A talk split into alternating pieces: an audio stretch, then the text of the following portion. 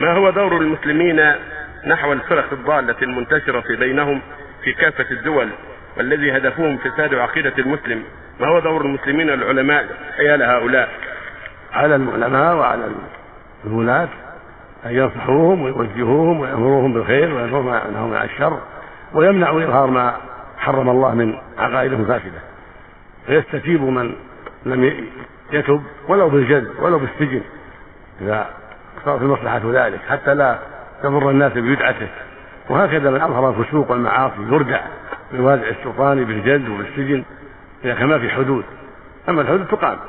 لكن من أظهر المعاصي من سب الناس من غيبة الناس هذا يردع بما يراه ولي الأمر من ضرب أو سجن أو غير ذلك. وأهل العقائد الزائفة كالرافضة والمعتزلة والخوارج والصوفية المنحرفين يعالجهم ولي الأمر بواسطة العلماء بما يردع شرهم. ويكف شرهم إما بالسجن وإما بالضرب وإما بالنصيحة إذا كفت وكفوا شرهم وأظهروا الخير. على كل حال يجب أن تعالج الأمور بما يمنع شرها من سجن أو ضرب أو نفي من البلاد أو قتل إذا صارت الشريعة قتلة.